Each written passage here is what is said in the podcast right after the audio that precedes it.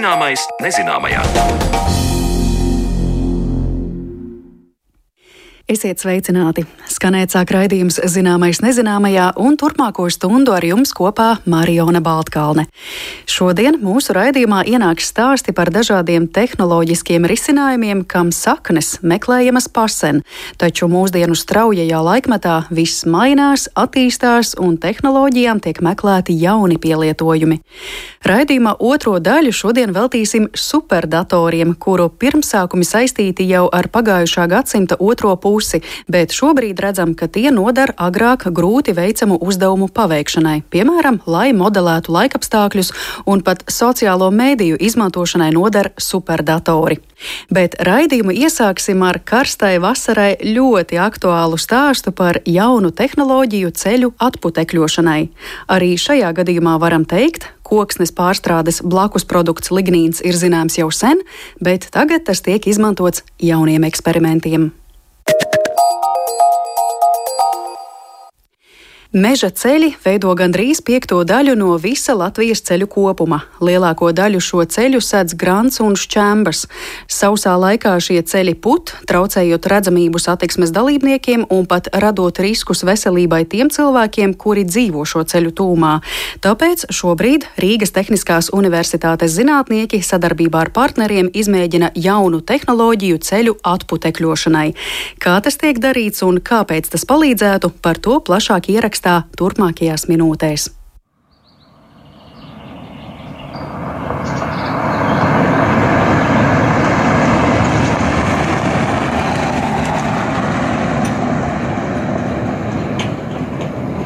Vairums no mums noteikti atminas, kā lielāka vai mazāka automašīna brauc pa grāns ceļu, radot saudabīgo grabošo skaņu, bet vēl vairāk saceļot pamatīgus putekļus, kas uz kādu laiku var pilnībā aizsegt skatu. Tāpēc aktuāls ir jautājums, kā mazināt šādus putekļu mākoņus, kas ir gan kaitīgi veselībai, gan rada bīstamību uz ceļiem. Tālāk nāk zinātnieku risinājumi, Rīgas Tehniskās Universitātes pētnieki ilgstoši sadarbojušies ar akciju sabiedrību Latvijas valsts meži, un jau pirms diviem gadiem par ceļu atputekļošanu veikts plašs laboratorisks pētījums. Tos atputekļošanas līdzekļus, kuri bijuši visperspektīvākie, nolemts testēt vēl tālāk, līdz ar to šobrīd noris pētījuma otrais etaps, izmēģinot, kā šie atputekļošanas līdzekļi reāli darbotos uz Latvijas ceļiem. Uz sarunu par visu plašāk tiekos ar Rīgas Tehniskās Universitātes būvniecības inženierzinātņu fakultātes ceļu un tiltu katedras vadošo pētnieku Viktoru Haritonovu un šīs pašas augstskolas materiāla zinātnes un lietišķās ķīmijas fakultātes polimēra materiālu institūta profesoru Remo Meriju Merī. Tālāk uzzināsim, kāpēc tad vispār šādi putekļi uz ceļiem rodas, un skaidrojumu vispirms sāk Viktors Haritonovs. Tad vispirms šis ir nesaistītais segums. Ja mums ir jāsaprot, kas mums uz ceļa ir, viens mēs braucam te Rīgā un ārpus Rīgā par lielām, kas saka, magistrālēm šosejām, tas ir bituminētie maisījumi ar bitumenu saistīti, jā, tātad asfaltbetona ceļi klasiski. Un meža ceļos tur izmanto nesaistītā veidā. Jā, tad tur ir grāns drupināta, jā, dažāda lieluma šķembu daļiņas vai dolomīta. Un skaidrs, ka tur tas putekļa daļiņas ir iekšā. Nu, tāda viņam ir struktūra. Tas ir viens. Otrais, jā, tātad ieklājot jaunu, notiek tas seguma eksploatācija. Jā, viņš tiek noslogots, mums arī atļautas ražot tas riepas, un līdz ar to nepārtraukti šis putekļu daudzums veidojas nodiluma rezultātā. Nu, nodilums, protams, tajā brīdī, kad mašīnas daudzkārt ir pārbraukušas pāri, vai ne? Tad tas veidojas. Tieši tā, ja nodilums veidojas, ja mēs zinām, rupjas šķembu daļiņas, jā, vai mazāk rupjas, jā, viņam ir ir kontaktpunkti, viņi saskaras. Viņi veido tādu skeletu, un viņi tur bērzēs viens gan otru. Plus arī ražotas riepas ar savu metālu radzem palīdz arī tātad izveidot vēl papildus putekļus. Mm. Tā ir faktiski tā ir arī ceļa nolietošana. Nu, viņš nav mūžīgs, viņš ir sākotnēji jauns ar nelielu daudzumu, tad ar vienu viņš tiek eksploatēts, putekļu daudzums palielinās, palielinās, palielinās, un kaut kādā brīdī viņš kļūst jau neeksploatējams, jā, un tad viņu, kas saka, nomaina. Mm. Varētu vēl piebilst, ka vēl viens nozīmīgs faktors, kas ietekmē šo putekļu daudzumu veidošanos, ir laikapstākļi, jā, temperatūra gaisa relatīvais mitrums. Teiksim, pie zemā gaisa relatīvā mitruma un augstākas temperatūras šis putekļu daudzums viennozīmīgi būs lielāks. Nu, tāpat arī ietekme atstāja apkārtējā vide, jā, vai tās ir noēnotas platības, jā, kur abās ceļu pusēs ir meži, vai arī tās ir atklātas teritorijas. Tas arī viss lielā mērā ietekmēs to, cik daudz būs šīs putekļus veidojošās daļiņas. Jā, man liekas, ka mēs tagad daudzi varam acu priekšā iztēloties to ainu, kad ir karsta, tveicīga vasaras diena un pāri pārbrauc smagā kravas automašīna, vai ne? Un nav lietas ilgstoši līs, un tad nu šie putekļi ceļas un ceļas gaisā. Un valsts mežiem pārsvarā ir šie grāns dolomītā ceļa. Kāpēc? Jā, te var redzēt, kāpēc tur neasfaltē. Jā, tātad asfalta betons un tā iesošais bitons instruments ir videi kaitīgs. Viņš nav tas piemērotākais. Nu, viens skaidrs, ka viņš ir dārgs, gan, protams, tā tehnoloģija ieklāšana, viņš ir pats, nu, nedara nekādu labumu apkārtējai videi. Bet nu, tās nav kaut kādas mazās meža taciņas. Mēs runājam par tādiem plašiem ceļiem, pa kuriem patiešām brauc tās manis minētās kravas mašīnas. Ja? Pilnīgi noteikti ir eh, speciāli veidoti ceļi, teiksim, pa kuriem pārvietojās šie baļķvedēji jā, lielā mērā. Citiem vārdiem sakot, šis ceļš var būt ar dažādu noslogotības pakāpi. Jā. Un līdz ar to mēs arī bijām paši liecinieki jā, pie šiem eksperimentāliem ceļu posmiem, kad tur arī apkārtnē dzīvo cilvēki. Ja, viņiem šī putēšana nu, rada lielas problēmas. Un arī, kā jau Viktors minēja, šos klasiskos ceļu seguma līdzekļus, ja, kā asfaltbetona ceļu segumu, kad tas īpaši šajā gadījumā, ja, ja mēs runājam par meža ceļiem, nu, nav tas ekoloģiski labākais risinājums. Mežs ir kā jūtīga ekosistēma. Ja, līdz ar to mums ir īpaši jāpiedomā, kādus līdzekļus izmantot, tā skaitā arī ceļa atputekļošanai. -hmm. Tad, nu, kas ir agrāk lietots, lai ar šo problēmu kaut kā nebūtu eh, tiktu galā, pirms uzņēmums vērsās pie jums pēc palīdzības, izmēģināt kaut ko jaunu? Kas tā tad līdz šim ir lietots? Nu, līdz šim eh, šie klasiskie līdzekļi bija eh, dažādi neorganiskie sāļi. Pamatā tas ir kalcija chlorīds vai magnīja chlorīds. Tas ir līdzīgi tā kā mums arī zināmais nātrija chlorīds, ja, ko ziemā pirms vairākiem gadu desmitiem ja, tur, teiksim, kaisīja uz ceļa segumiem, lai neveidotos apledojums. Ja. Kalcija chlorīds un magnīja chlorīds nu, varētu uzskatīt par tādām mazāk agresīvām versijām. Jā, bet eh, šeit eh, šī problēma ir eh, šis chlorīda jauns. Ja, tas ir agresīvs, korozīvs līdz ar to var nonākt apkārtējā vidē.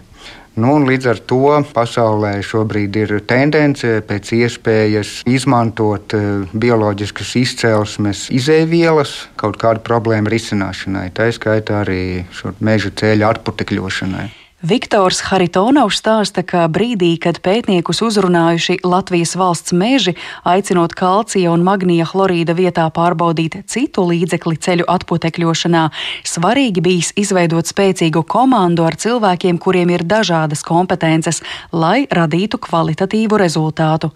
Tāpēc komandā darbojas ceļu inženieri, polimēri, ķīmiķi un piesaistīti vairāki partneri, proti valsts akciju sabiedrība Latvijas autoceļu uzturētāji vadītājs, SIA ceļu eksperts un vēl viens partneris - Latvijas valsts koksnes ķīmijas institūts, kam ir sena vēsture, zināšanas un pieredze, tostarp pētot lignīnu.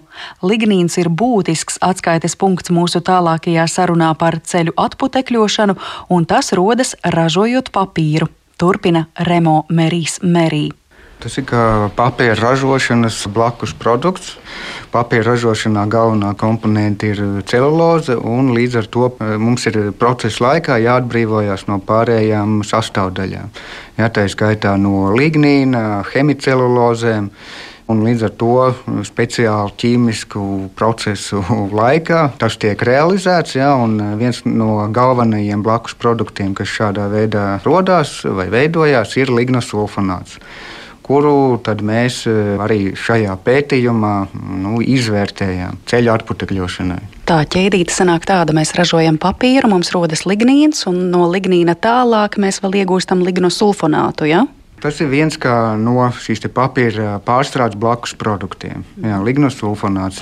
Papīru ražojam tik ilgi, šī viela būtu pazīstama tiešām tik krietnu laiku, bet tagad to ņem lietā, lai radītu kaut ko jaunu. Tad nu atklājiet, kā no lignīna iegūtais lignosulfonāts palīdz labāk ceļu atputekļošanā, vai vispār kā tas palīdz, kādas ir tā īpašības tradicionālā sāls, ko arī Remam minēja, tātad gan kalcija, natrija, magnija, chlorīda, atputekļa. Ja. Sāls efekts ir krasi atšķirīgs, ja mēs uzberam sāli pārslu granula veidu, un tas sāls pa nakti uzņem mitrumu. Uzņem mitrumu, piesatinās, un tad sākas kas saka, pa dienu siltums, karstums, viņš to mitrumu atdod. Un tas mitrums saistā putekļainas daļiņas, un ceļš nepūt. Līdz ar to mēs braucam ja, par atputekļotu ceļu, viens ceļš pūt, o otru mēs redzam, ka viņš kā mitrs. Kaut vai dīvaini, jā, ārā kārsts, un līdz ar to šis ceļš ir atputekļots. Ligna sulfonāts un lignīns, viņš ir saistviela, viņš saista daļiņas, jā, un līdz ar to šeit tas efekts ir tā, ka viņš uzreiz saista daļiņas, nevis kā sals ar mitruma palīdzību. Jā, jāgaida nakts būtu, jā. Jā, kā jāgaida nakts, viņš uzreiz saista daļiņas, jā, salīmē kopā putekļainas daļiņas un neļauj tiem putēt. Jā, varētu piekomentēt, ka katrs no šiem līdzekļiem arī ir zināms, ka darbojās efektīvāk savos apstākļos. Jā. Līdz ar to šim kalcija chlorīdam, magnīja chlorīdam arī ir nepieciešams kaut kāds noteikts gaisa relatīvais mitrums, lai šie līdzekļi būtu efektīvāki. Savukārt pētījumi par lignosulfonātu liecina, ka tur šī efektivitāte lielāka būs nu, teiksim, pie augstākām temperatūrām, nu, sausākos apstākļos. Mhm. Te ir arī jāmin politiku, jo mēs visur pa televīziju dzirdam, jā, tātad zaļais kurs. Mums ir jāsaprot, kas ir zaļais kurs, ka mums uz 2050. gadu jāsasniedz klimata neutralitāte. Ko tas nozīmē? Ka nozīmē to, ka tur ražošanas procesos veidojas izmeši tie CO2 un dabai jāspēj tos CO2 pilnīgi neutralizēt. Ja? Un vides politika, ja? arī šis Parīzes nolīgums, kurš saucas, ja mums uz 2030. gadu jāsasniedz 55% CO2 samazinājumu salīdzinājumā ar 90. gadu, tas ir 30. gads, un 50. gadā mums ir jāsasniedz klimata neutralitāte. Līdz ar to šeit arī iekšā nāk politika, ka mums ir jālieto ar vien videi draudzīgākas vielas. Nākošais valsts mežiem ir šī meža certifikācija, kura vispār nepieļauj nekādu nu, tādu meža nelabvēlīgo vielu izmantošanu. Ja? Un attiecībā uz kalcija chlorīdu tradicionāli viņš ir forši strādā. Ir jā, nianses, ko minējām par korozivitāti un tā tālāk, bet viņš ir fosilais. Un, ja mēs mēram izmešus, mums tad jāsāk ar to resursa iegūšanu. Resursa iegūšana milzīgi CO2. Tad šo resursu transportē pārstrāde, atkal CO2. Ligna sulfonāta gadījumā ir blakus produktu, koksnes atkritumu krājumi, un izmeši sakas ar tikai to krājumu pārstrādi.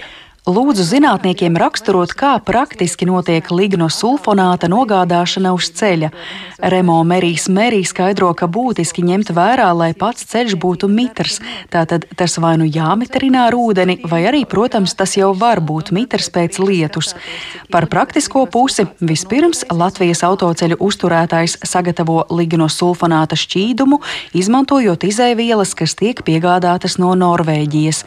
Tālākos soļus iezīmē profesors profesors Merijs Merī. Tad eh, nākošā etapā šī izsmidzināšanas mašīna izsmidzina šo lignu sulfonātu šķīdumu uz ceļa virsmas. Šī pētījuma ietvaros mēs izmēģinājām divas dažādas koncentrācijas lignosulfonātam, kā arī klasisko materiālu, kalciju chlorīdu, un arī abu šo materiālu maisījumu ar tādu domu, ja, lai paplašinātu šī līdzekļa efektivitāti. Ja, gan pie dažādiem gaisa relatīvajiem mitrumiem, ja, gan pie vairākām temperatūrām.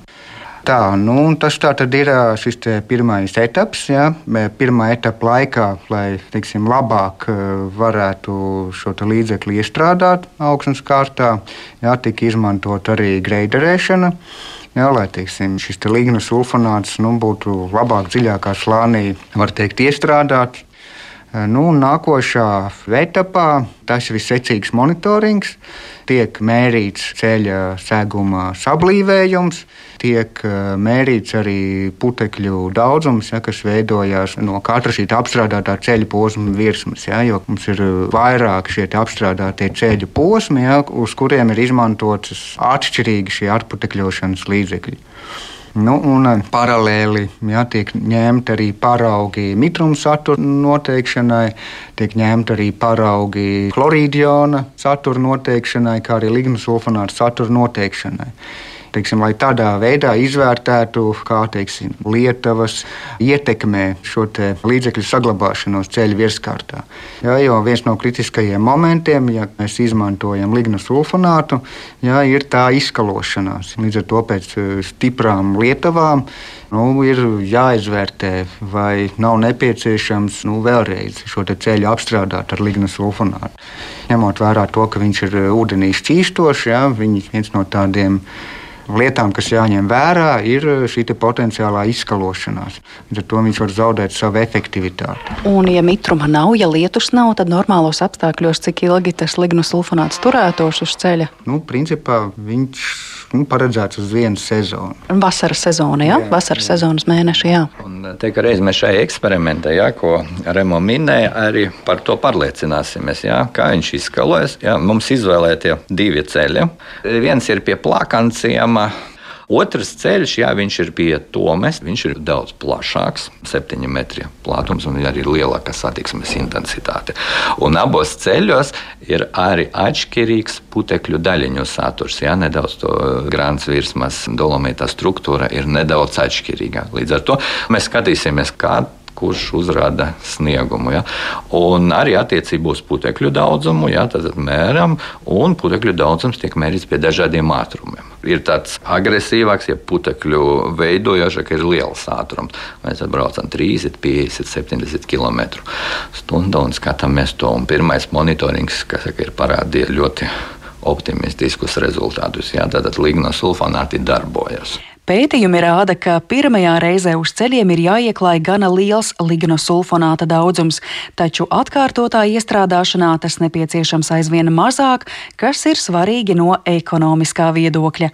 Pētnieki turpinās lignosulfonātu izmantot, veiks ceļu monitoringu līdz oktobrim reizi divās līdz trijās nedēļās, tad ļaus ceļiem pārziemot un pēc ziemas skatīsies, cik daudz vielas uz ceļiem ir palicis. Projektam noslēdzoties nākamā gada martā, Latvijas valsts meži varēs pārliecināties, cik labi jaunā metode strādā un pieņemt lēmumu, ko turpmāk izmantot ceļu atputekļošanā.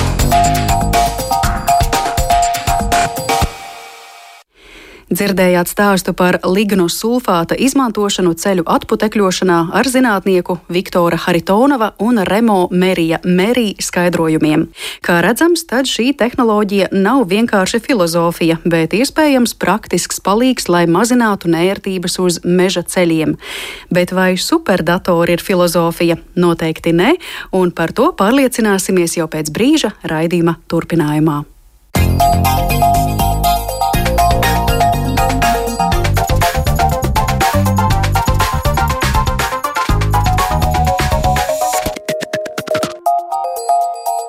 Zināmais nezināmajā.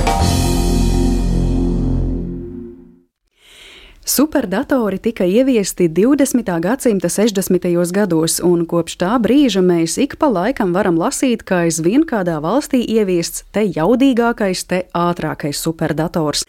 Tas, kas bija ātrākais un labākais vakar, jau rīt var kļūt par vēsturi. Superdatori un superskaitļošana nodara sarežģītu aprēķinu veikšanai, tostarp laikapstākļu sistēmu modelēšanai, kodolsprādzienu simulācijai un reaktīvo lidmašīnu projektēšanai. Par superdatoriem datoru liederību dzirdējām arī Covid-19 pandēmijas laikā, kad runa bija par vakcīnu izstrādi. Tātad gana daudz iespēju šādas iekārtas izmantot. Un, ja šķiet, ka tas ir stāsts, kas skar kādu citu attīstīto valsti un ar Latviju tam saistības nav, tad tā nav tiesa, jo skaitļošanas infrastruktūra tiek attīstīta akadēmiskajā un pētnieciskajā vidē arī pie mums. Tad nu krietni plašāk par superdatoru spējām un to izmantošanu jau šobrīd sarunāsimies raidījumā raidījuma turpmākajās minūtēs, un studijā es sveicu cilvēkus, kuri ikdienā ar to ir visai cieši saistīti. Tātad ciemos pie mums Rīgas Tehniskās Universitātes augstas veiktspējas skaitļošanas centra vadošais pētnieks un vienlaikus arī Eiro CC2 projekta jeb Latvijas superskaitļošanas kompetences centra vadītājs Ilmārs Slaidiņš. Labdien! Labdien! Viņam pievienojas Latvijas Universitātes Skaitliskās modelēšanas institūta vadošais pētnieks Jānis Virbulis. Labdien! Labdien! Un Latvijas biomedicīnas pētījumu un studiju centra vadošais pētnieks Dāvids Frīdmanis. Labdien! Labdien. Es pavisam nedaudz iezīmēju superdatoru būtību, bet ar jūsu palīdzību es vēlētos labāk saprast, kas tad ir šīs atzinību ieguvušās iekārtas, jo, kad saka superdators, te varētu domāt, vai nu kaut kas superlabs, superliels vai superātrs, vai visi šie apzīmējumi ir attiecināmi uz to, ko mēs saucam par superdatoru slaidiņu. Nu, droši vien visi šie apzīmējumi ir attiecināmi. Tikai jautājums ir, kurā brīdī katrs no viņiem ir tas svarīgākais. Nu, interesanti tā vēsture pēdējos, varbūt kādos desmit gados, kad Eiropa nokonstatēja, ka mēs drusciņi atpaliekam no pārējās pasaules šajā jomā. Un tad tika nolēmts, ka mums arī steidzīgi ir jāattīstās šī ziņā. Un šobrīd jāsaka tā, ka Eiropa jau ir izvirzījusies top 503. vietā ar vienu superdatoru, kuru uztaisīja Somijā, Kajāni pilsētā. Un e, šogad pievienojās vēl viens Leonardo, kurš ir 4. vietā. Pie kam e, tas e, Lumija superdators Somijā, viņš ir arī 3. vietā kā zaļākais. Jo tur ir hidroelektrostacijas uz tādas upītes starp diviem ezeriem, kas pilnībā nodrošina ar to elektroenerģiju. Jo viņam vajag 8,5 megawati elektroenerģiju. Un šobrīd viņa tas laukums, ko viņš aizņem, pagaidām ir 150 km2. Bet nākotnē plānots līdz 400 km2. Tur vēl visu laiku viņš tiek papildināts un uzlabots. Nu, un viņš šobrīd sasniedz 550 petaflopus sekundē. Tas ir nu, tas darbību skaits, ko var vienā sekundē veikt. Ja? Kas ir nu, teikt, pusi eksaflops. Šobrīd mēs cenšamies iet uz eksaflopiem, kur viens eksaflops ir 10, 18. pakāpē. Nu, viņi salīdzina tādā veidā, ka tas Somijas superdators ir ekvivalents pusotram miljonam parasto datoru. Es tieši par šo mērvienību gribēju jautāt. Tas eksaflops, tas norāda to, cik daudz informācijas vienību sekundē tiek apstrādāts, kā mēs to izmērām. Nu, jā, nu tas ir cik daudz aprēķinu var notikt vienā sekundē. Nu, Jānis, ja, pavisam, jā. Mhm. ja pavisam precīzi teikt, tad tas ir floating point operations per second, ja, jeb peldošā punkta operācijas. Tas ir tāds nu, normāls aprēķins, ja mēs gribam teiksim, sareizināt divus uh, skaitļus, 1,7 reizes 2,48. Ja, tas būtu tas viens flops, ja to sekundes laikā varētu izdarīt. Bet uh, šī informācija, tas apstrādātais informācijas daudzums, tās droši vien ir ne tikai matemātiskas formulas, bet eh, krietni plašāk mums uz šo vārdu informācija jālūkojas, ja, kas Jā, tiek apstrādāta. Protams, tas jau kādu laiku, ja pirmie datori tiešām varbūt eh, nu, atviegloja cilvēkam tieši tās skaitīšanas un skaitļošanas darbības, ja, tad drīz vien jau tas pārvērtās eh, visplašākās informācijas apstrādē, ja, kur mēs esam jau iemācījušies šo gadu gaitā, ir tik daudz algoritmu izstrādāt, ka mēs praktiski visu, protams, jau izteikt skaitļos. Par šo evolūciju, ko jūs, Slaidiņa kungs, iezīmējāt, es arī gribētu paturpināt, eh, cik strauji tā noris, proti, eh, cik ilgs eh, vai mazs ir tas laika intervāls starp vienu labāko superdatoru un citu. Jo, ja mēs paskatāmies vēsturē, tad pirms desmit gadiem, 2013. gadā, pasaules superātrākais dators bija Ķīnā, sitot pušu ASV. Pirms trim gadiem ātrākais dators bija Japānā. Fugaku, un tad pagāja divi gadi. 2022. gadā tātad nāca klajā jūsu pieminētais Lumī, un eh, tam tad ir nācis klāt arī tagad Leonardo Itālijā. Vai mēs varam līdz ar to domāt, ka pēc pavisam īsa brīža mums jau atkal būs viens jauns, labākais, ātrākais superdators? Jā, nu es ceru, ka tā būs. Šobrīd Jūlija pilsētā Vācijā tiek veidots arī jauns superdators, kur izmantos kvantu skaitļošanu, bet tas būs tādiem ļoti specifiskiem pielietojumiem. Un šobrīd viena no tām problēmām ir, kad ir jāmeklē varianti, kā vēl varētu pātrināt šo datoru darbību. Jo tie uzdevumi visu laiku attīstās. Un jo vairāk darām, jo mēs vairāk gribam izdarīt. Ja? Un mēs redzam šīs iespējas, ka tas mums daudz ko dod. Gan skaidriskā modelēšana, gan bioinformātikā, gēnu sekvencēšanu un tam līdzīgi. Tur visur vajag superdators. Nu, kaut vai tāds piemērs, es te parēķināju. Ja, piemēram, mēs uz parasta klēpja datora vai parastā datora kaut kādu uzdevumu mums ir jārēķina, nu, ļoti sarežģītu. Tad mums, uzsākot to uzdevumu rēķināt, mums var aiziet teiksim, vesels gads, kad tas dators strādā, strādā, strādā, kamēr beigās mēs iegūstam rezultātu. Tad uz šī superdatora mēs to izdarām, iegūstam rezultātu divās minūtēs. Saprotiet, tas nozīmē, ka uzreiz mēs varam strādāt tālāk un domāt, ko tālāk ar to darīt. Vai arī otra lieta, mēs varam izreikināt, piemēram, ja tas miljonu reižu efektīvāks ir tas superdators nekā parastais, tad mēs varam izreikināt, teiksim, tūkstošreiz ātrāk un tūkstošreiz precīzāk vai tūkstoši dažādus variantus, kas atkal dod tās milzīgās iespējas to kombinējot. Ko mums vairāk vajag? Vai mums vairāk datus vajag apstrādāt? Vai mums ātrāk rezultātu vajag iegūt? Ja? Lūk, šīs iespējas.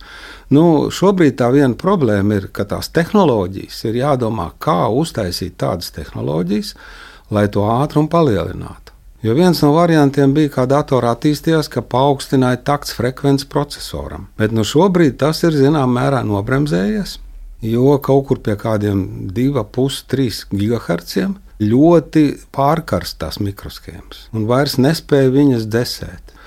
Nu, tad lūk, viens no variantiem ir, uz ko darbojas šobrīd superdatori. Tas ir sadala to uzdevumu uz daudziem procesoriem. Un, ja mēs šobrīd paskatāmies, teiksim, mobilais viedtelefons, tur arī vairs nav tas processors vienkārši, kur ir viens tas skaitļošanas elements, bet viņš ir ar daudziem kodoliem tad es eh, saprotu, ka tas galvenais, kas nosaka, ka kāds dators, superdators kļūst vēl labāks, ātrāks, tā visa atslēga ir procesorā. Un tad tā ir tāda pat valstu sacensība, ja Japāna, Ķīna, Eiropā kāda valsts, kurš tagad piedāvās labāku, jaudīgāku procesoru. Nu, nē, tā tīri nav. Ja tie procesori, protams, arī attīstās, bet es saku, ka tur ir ierobežojumi. Tāpēc meklē visādus citus paņēmienus, kā varētu pātrināt to darbību. Ja? Nu, šobrīd tos procesors liek kopā. Nu, tā kā vienā procesorā ir daudzi kodoli. Viņi strādā paralēli un apmainās ar informāciju. Un tur vajag, lai tā informācijas apmaiņa notiktu ļoti ātri, lai viņi atrastos tuvu viens otram, pie kam tie procesori arī ir dažādi. Procesori Droši... ir tās kastes, jā. nē, nē, viņš jau tagad ir maza mikroshēma. Jā, agrāk viņš bija, teiksim, tur tiešām kā kaste liela. Jā, jā. Jā. Tad šobrīd viņš ir maziņš, maziņš, kur viena tranzistora izmērs, ja agrāk bija kaut kādi mikroni, tad tagad jau ir 5 nanometri, un viņi ir miljardi uz viena tā kristāla virsmu. Jā. Jāni, jums jā. arī kas komentējas? Jā, es gribēju piebilst, ka pirmajā tādā tuvinājumā varētu teikt, jā, sacensība ir par to, kurš savienos vairāk kopā, vairāk procesorus. Ja, tas ir principā tas kopējā jauda ir uz šiem procesoriem. Protams, procesora ātruma arī atšķirās starp vienu un otru un starp pielietojumu konkrēti, ko tieši mēs ar to procesoru darām. Ir pamatā divi tie pamatprocesori, ir Intel un AMD. Šīs kompānijas arī sacenšas par to ātrdarbību. Ja. Taču jau arvien vairāk un vairāk pēdējā laikā, tā kā tas ātrdarbības ierobežojums ir ar šiem dažiem gigahertziem, tur fizika kaut kā tālāk neiet ar mums kopā vienā solī tad eh, tiek domāts arī jaunas procesoru arhitektūras. Principā nākotnē būs tā, ka tie procesori būs daudz vairāk nekā tagad. Tagad nu, ir tikai daži tipi, varētu teikt. Un tad uh, tiks veidoti speciāli procesori speciāliem pielietojumiem. Tas būs atkal ļoti liela rūpniecības vai arī saimniecības nozare, ja, kurš tiks meklēts kāds procesors, kam ir, ir vajadzīgs. Bet patreiz uh, šogad un turpmākajos gados droši vien procesoru skaits ir tas noteicošais, kurš eh, nosaka, kurš tad ir uzbūvējis lielāku šo superskaitļotāju. Mm. Varbūt jūs varat mazliet vizuāli uzbūrt to ainu, nu kā izskatās tās telpas, tā vide, kur šie superdatori atrodas, jo mēs jau noskaidrojam, ka tātad superdators var atbilst gan tam, ka tas ir superlabs, superātrs, superjaudīgs, bet par šo superlielumu, Dāvid, es zinu, ka jūs praksē ikdienā strādājat ar superdatoriem. Nu, kāda tad izskatās tā telpa? Es te pirmīt minēju vārdu kaste, tiešām pilna ar kaut kādām kastēm. Labi, es strādāju, tas ir tāpēc, ka uh, mēs viņu lietojam. Tas nenozīmē, ka es fiziski viņu kustinu. Mani kolēģi un es strādājam mūsu institūtā uz uh, superdatoru, kurš atrodas Rīgas Tehniskās Universitātes telpās. Tad fiziski es godīgi sakot, nekad neesmu tur bijis iekšā un viņu apskatījis. Bet uh, man ir priekšstats un bildīts var apskatīt arī superdatoru centra mājaslapā HPC. Man liekas, angliski viņam bija saīsinājums. RTU. Ja kādam ir vēl RTU HPC, un tur ir bildīti. Principā, nu, tas, ko jūs runājat par to kasti, tas jau ir ne tikai processors, tas ir viss, kas viņu atbalsta, lai viņš spētu darboties. Pats processors ir tā vienība, uz kuras uzsprāstas virsū tas ventilators, kas viņu dzēsē. Un tad superdators ir daudz šitādas kastes ar visu katru atsevišķo tehnisko atbalstu katram procesoram, saliktas kopā vienā lielā istabā. Un tāpēc arī Slēdņika kungs runāja par tām milzīgajām kvadrātmetriem, kuri tikai pieaugs un pieaugs, jo patreiz, kā jau pareizi man liekas, kolēģi te minēja, fizikas ierobežojumi mūs spiež vienkārši likt ar vien vairāk un vairāk kopā šos datorus un, un atrast risinājumus, kā lielāku skaitu salikt kopā, lai viņi efektīvi sastrādātos. Es personīgi viņus tikai izmantoju. Es esmu biologs. Tas, ko uh, mums viņi ļoti, ļoti noderīgi ir, uh, man liekas, cilvēkam tuvākais, protams, ir cilvēks, tas, piemēram, cilvēka genoma sekvenēšana.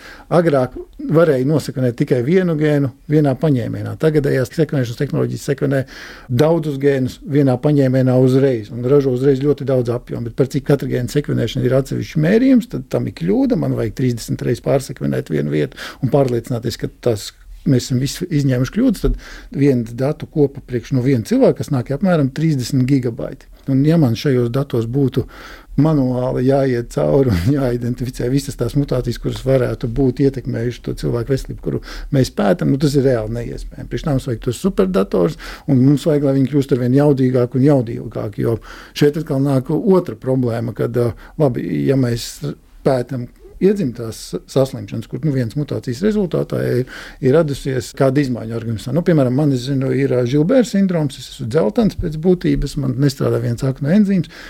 To ir grūti redzēt. Vasarā, pēc, iededz, es, es, es ziemā neizskatos balstāju priekšrocību. Tas ir saistīts ar aknu darbību. Tas ir saistīts ar aknu darbību. Man ir mutācija viena, un labi, šajā gadījumā ir zināms apmēram gēns, kāds var diezgan viegli nonākt. Labi, ja mums piedzimst bērniņš, kuram arī ir kaut kādas veselības problēmas, arī atkal tas ir neliels skaits individu, teica, mamma bērniņš jāmēģina nonākt. Bet tagad mēs pētām tādas saslimšanas kā otrā tipa diabetes Un tur jau ir tā, ka ļoti daudz gēni ar ļoti maziem efektiem, plus vēl dzīvesveids, plus vēl vidas ietekme, un tas viss summējas, un tad ietekmē, kad tev tāda slimība parādīsies. Tad jūs iedomājaties, lai izmantojot statistiku, atrastu šos mazos efektus, ir vajadzīgs nevis viens cilvēks, trīs cilvēki, bet tūkstošiem cilvēku. Un tad, ja mēs 30 gigabaiti reizes tūkstoši cilvēku, un tas ir tas datu apjoms, ko tu tādā vienā iedzīgā pētījumā tev ir jāapstrādā, lai nonāktu līdz uh, jēgpilnam rezultātam. Šeit parādās, kāpēc mums tos superdators vajag, un tās mūsu izpratne par ģenētiku tikai pieaug un pieaug un to dažādu variāciju skaits atkal vienu mūsu zināšanas pieaugumu, pieaugumu, tas, ko vajag pārtestēt tikai aug un aug augumā, tad uh, sanāk, ka mums vajag, lai tie datori attīstās un kļūst ar vien jaudīgāk un jaudīgāk. Šajā gadījumā mums tā sacensība par to, kurš uzbūvēs jaudīgāko superdatoru, kas principā arī dzēn uz priekšu visu to tehnoloģiju attīstību, jo tā tomēr ir reklāma un līdzekļu piesaista. Mums ir ļoti izdevīgi, mums viņa ļoti patīk. Mm. Jāni, kā ir jums? Jūs ikdienā esat Latvijas Universitātes pārstāvis. Jums arī tāds attālinātais darbs, ka jūs esat vienā augstskolā sazināties ar superdatoriem Rīgas Tehniskajā universitātē. Jā, tieši tā, tā tas arī ir.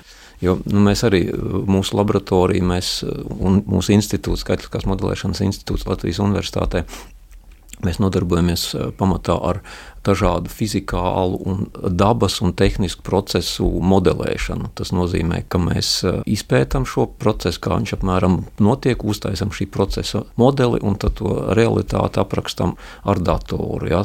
Tāpēc arī mums nav jābūt klāt, mēs to darām uz datora, ja, un tas ir attālināti.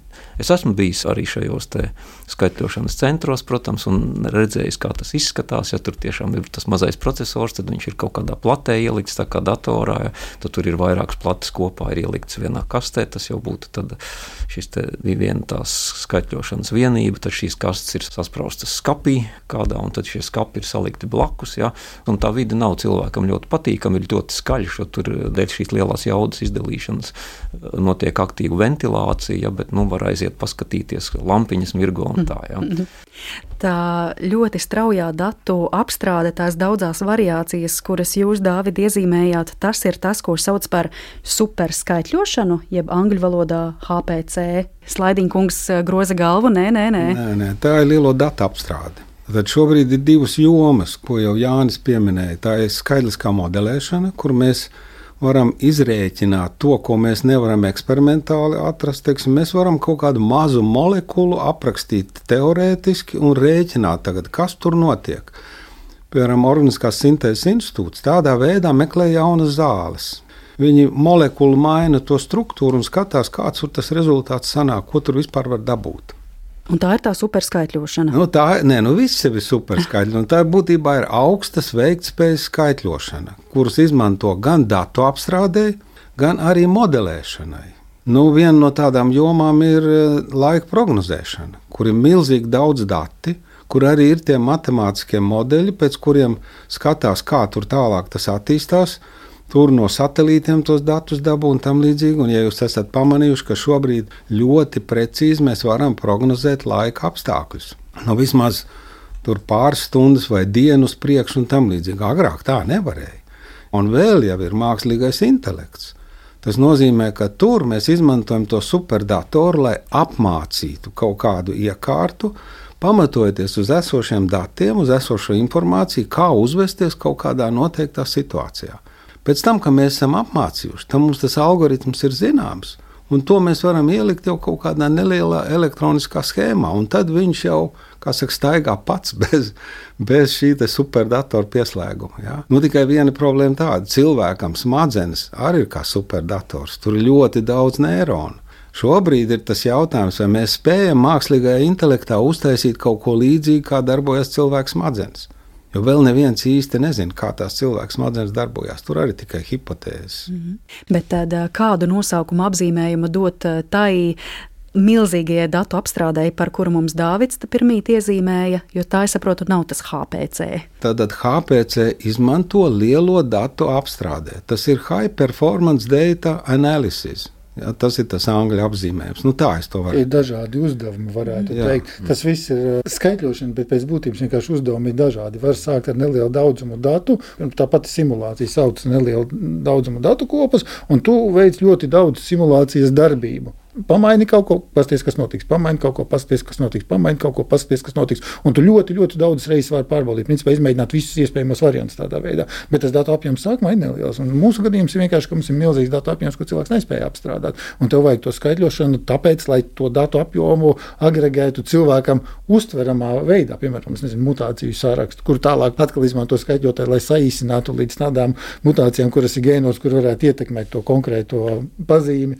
Nu, tas vienkārši vienkārši dažādi uzdevumi. Ir. Tas viss ir superskaitļošana, bet vienkārši tas uzdevums vienā gadījumā ir lielo datu apstrāde, otrā gadījumā tas ir milzīgas skaitļošanas darbību veikšana. Tas sanāk, kā tā vai nu mēs apstrādājam milzīgus datus, kuri mums jau ir, vai arī, piemēram, mēs modelējam to, kā būtu, ja būtu. Ja? Vai arī kaut ko pa vidu. Kaut ko pa vidu. Mierīgi, tas šie divi ekstrēmi vienkārši, ko mēs aprakstījām. Tā var teikt, jā, varbūt vēlreiz, lai tad paliek pavisam skaidrs mums pašiem un arī citiem, jā, kad tad, tad mūsu augsts veiktspējas kompetences centrs mēs principā atbalstam un uh, gribam popularizēt trīs lietas, kuras var izdarīt uz šiem superdatoriem. Uh, viens ir modelēšana, otrs ir lielo datu apstrāde, un trešais ir mākslīgais intelekts. Ja. Protams, visas šīs lietas var kaut kā arī saplūst kopā dažos gadījumos, vai divas no viņām vismaz, ja, bet principā mēs izdalām šīs trīs lietas. Ja, tās ir, ir bieži vien ir tīpaši tās, kuras nevar izdarīt vienkārši uz parastiem datoriem, ne tikai kā ātrāk, ja, bet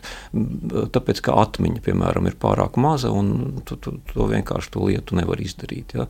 Tāpēc arī, arī šos HPC datorus ir izdevīgi lietot. Otrais ir arī, kāpēc viņas būtu labi lietot, ir arī finansiāli izdevīgāk, lai man nav mājās jātur ļoti daudz datoru jaudas, kuras es neizmantoju, kuras stāvētu tukšas, vienkārši šādi kooperējoties un apvienojoties. Ja, ja man vajag reizi nedēļā kaut ko izrēķināt, es to varu palaist uz šī HPC un iegūst to rezultātu ļoti ātri.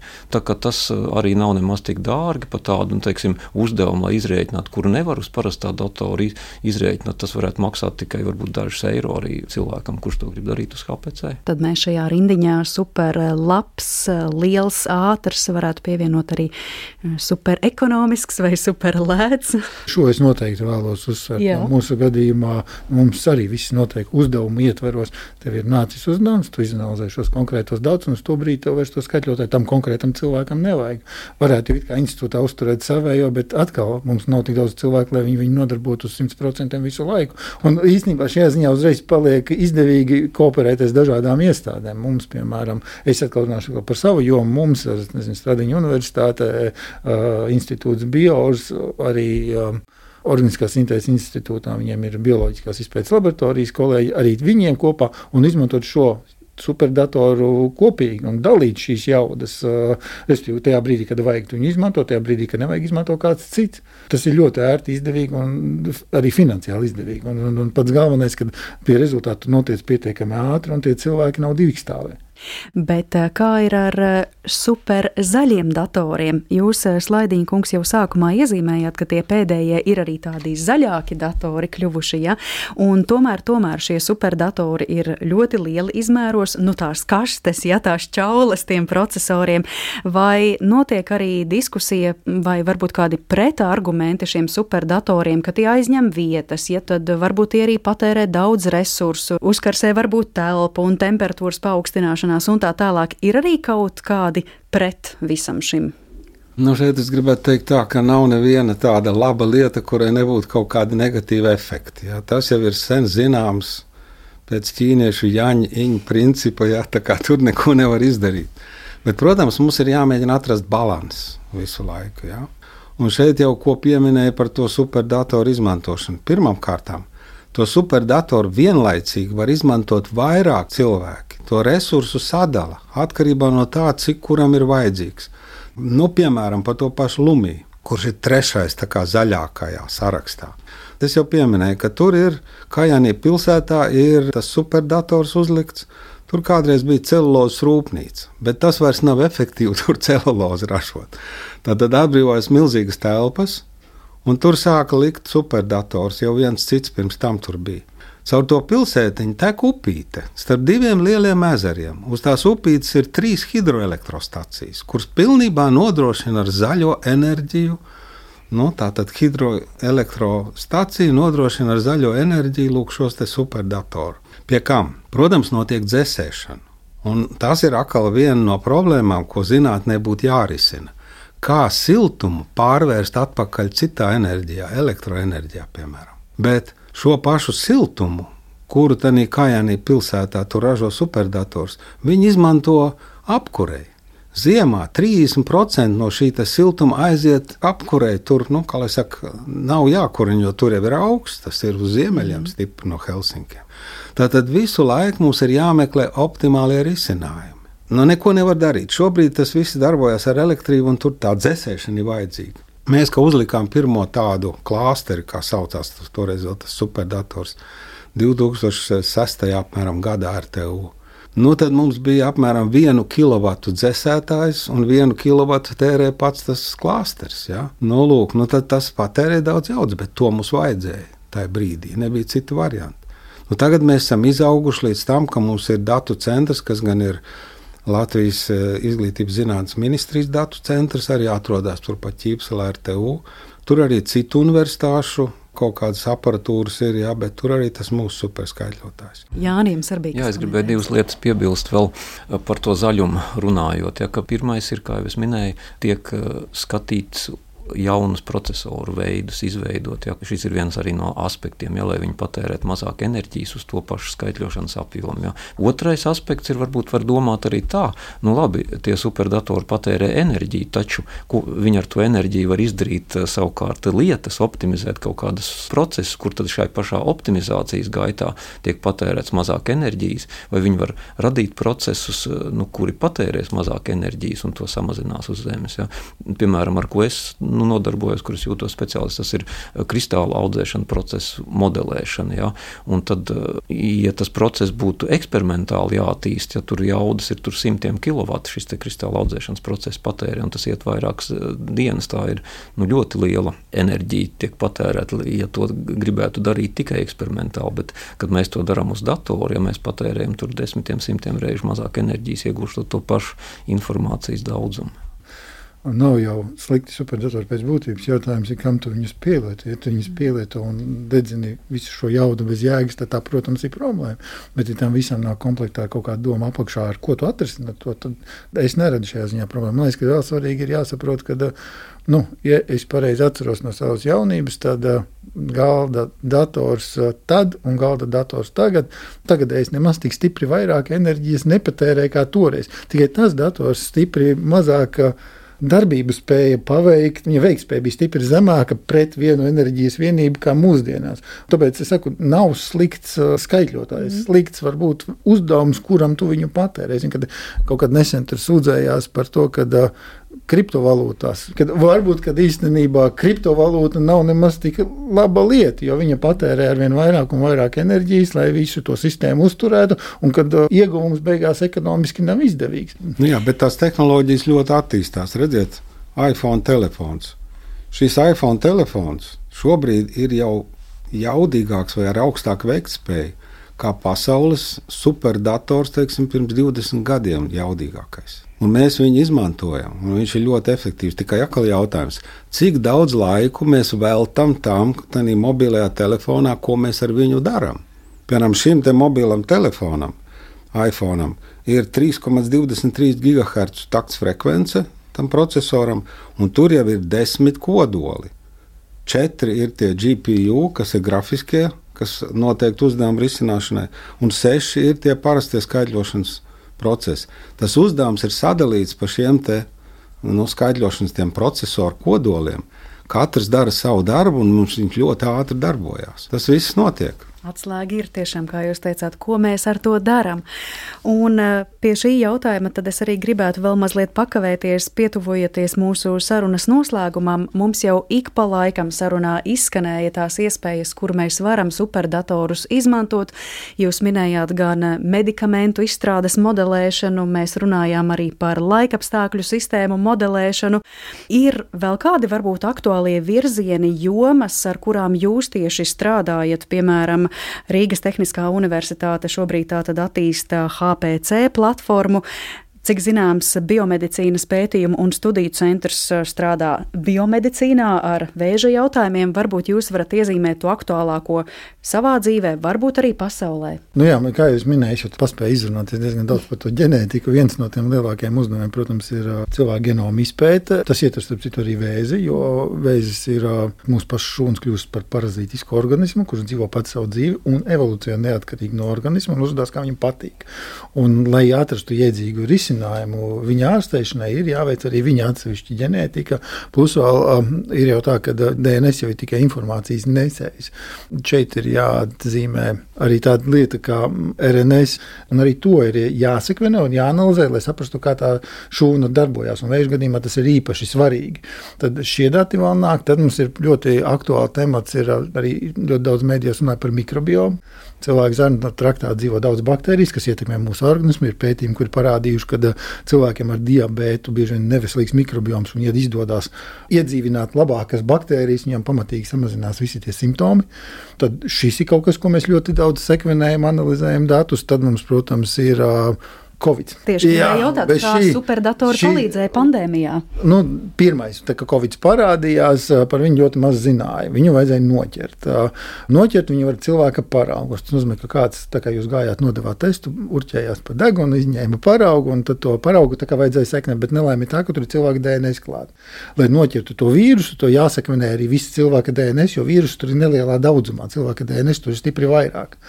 Un, lai to visu uztvertu, tev jāiegūst atkal bija milzīgs datu daudzums, tad tu to vīrusu varēji no tā datu daudzuma izmakšķerēt ārā, salikt kopā, un tad mēs uzzinājām, kāds ir viņa genoms. Un, piemēram, pirmā sekvenēšanas mūsu institūtā tieši tā arī notika. Apjoms bija cilvēka genoma apmērā, lai nosekvenētu vienu to vīrusu. Pēc tam jau izveidojās risinājumi, kā laboratorijās samazināt to datu apjomu, kas ir nepieciešams iegūt. Bet kopumā tas, ko jūs ziņās lasījāt par to, kas tur mainās, kādi vīrusi ir, kurš apakštips ir parādījies, tas viss gāja caur sekvenēšanām. Mm. Un tas nāca ļoti daudz, kas no tā nāca caur mūsu institūtu. Vēl kas komentējams par aktuālo saistībā ar superdatoriem, kur tas šobrīd ļoti, ļoti palīdz šī HPC platforma, kas, piemēram, ir Rīgas Tehniskajā universitātē. Nu, es domāju, tas ir priekš nākotnes. Mēs gribam lietas paplašināt, lai vairāk cilvēki lietotu dažādās jomās un gūtu to pozitīvo efektu. Un šobrīd, eh, darbojoties ar superdatoru, tur vajag būt eh, datorspeciālistam, nu, kurš prot ievadīt tos datus un tā tālāk. Jā. Tāpēc mēs mēģinām šo procesu atvieglot, tiek veidot tā atvērtā platforma, tiek veidot tagad jau citā projektā eh, tādi mācību kursi dažādās jomās, kur tātad nu, studentiem jau augstskolās mācīs, kā strādāt ar superdatoru. Tā ir tā nākotne, uz ko mums ir jāiet. Tas dod ļoti lielas iespējas. Nu, kaut arī tas viens piemērs, tā dzīve kļūst ar vien sarežģītāka. Te jau kolēģis minēja, ka nu, vēža pētniecība, ja mēs varam pēc uh, ģenētiskā materiāla noteikt, kādas man ir bīstamības saslimt ar kādu noteiktu vēža veidu vai ko citu, tad es varu vispirms mainīt savu dzīvesveidu, kaut ko darīt savādāk, lai es nesaslimtu. Piemēram, Jānis minēja par to, ka viņi modelē kristāla augšanu. A, kāpēc mums vajadzīga kristāla augšana? Nu, es uzreiz skatos no pusvadītāja tehnoloģija viedokļa. Tātad, lai mēs uztaisītu ļoti mazus tranzistorus un lielas mikroshēmas, man vajag ļoti augstas kvalitātes kristālu, kurā nav defektu. Un tas viss ir atkarīgs no tā, kā tas kristāls augot, ir uzturēta stabila temperatūra, lai pēc iespējas lielāka diametra kristālu, silīcija kristālis varētu bez defektiem uztaisīt. Saprotiet, visas šīs lietas ir savstarpēji saistītas. Ja? Mm -hmm. Ilmārs perfekti izstāstīja par to, ko es ikdienā daru, šī modelēšana, kristāla audzēšana procesiem, no kuriem mēs dabūjam labākas mikroshēmas un lielākus superdatorus, uz kuriem tad savukārt atkal var labāk modelēt šo kristāla audzēšanu. Un tā tālāk. Ja. Um, kopumā sakot, ar ko mēs nodarbojamies un kur mēs to izmantojam, nu, paši mūsu institūtā ir viena tāda liela lieta, ir plūsmas, hidrodinamika, jeb aerodinamika, ja tas ir sarežģīts process mūsu apstākļos, ir turbulence frekvences, dzirdēt tādu lietu, ja tad nu, šīs plūsmas ir haotiskas, ja tāpēc ir jāmodelē diezgan ilgi. Ja, un, nu, bet plūsmas ir svarīgas, un viņas bieži vien mums apkārt ir, un arī gan tehnoloģiskos, gan dabas procesos eksistē. Ja, tāpēc es teiktu, ka vien tā ir viena no tādām lielajām lietām, kur superdators tiek plaši izmantots. Nu, tad es minēšu nevis tehnoloģiskas lietas, tagad, bet uh, gan kādas dabas procesus, ja piemēram, plūdi. Ja mēs varam modelēt, eh, kā plūdi notiek, piemēram, kādas teritorijas aplūdīs vai nu lietus gāžu laikos Rīgas ielas, ko mēs zinām, arī ir modelēts, gan arī uzplūdi no jūras vētru laikā. Ja.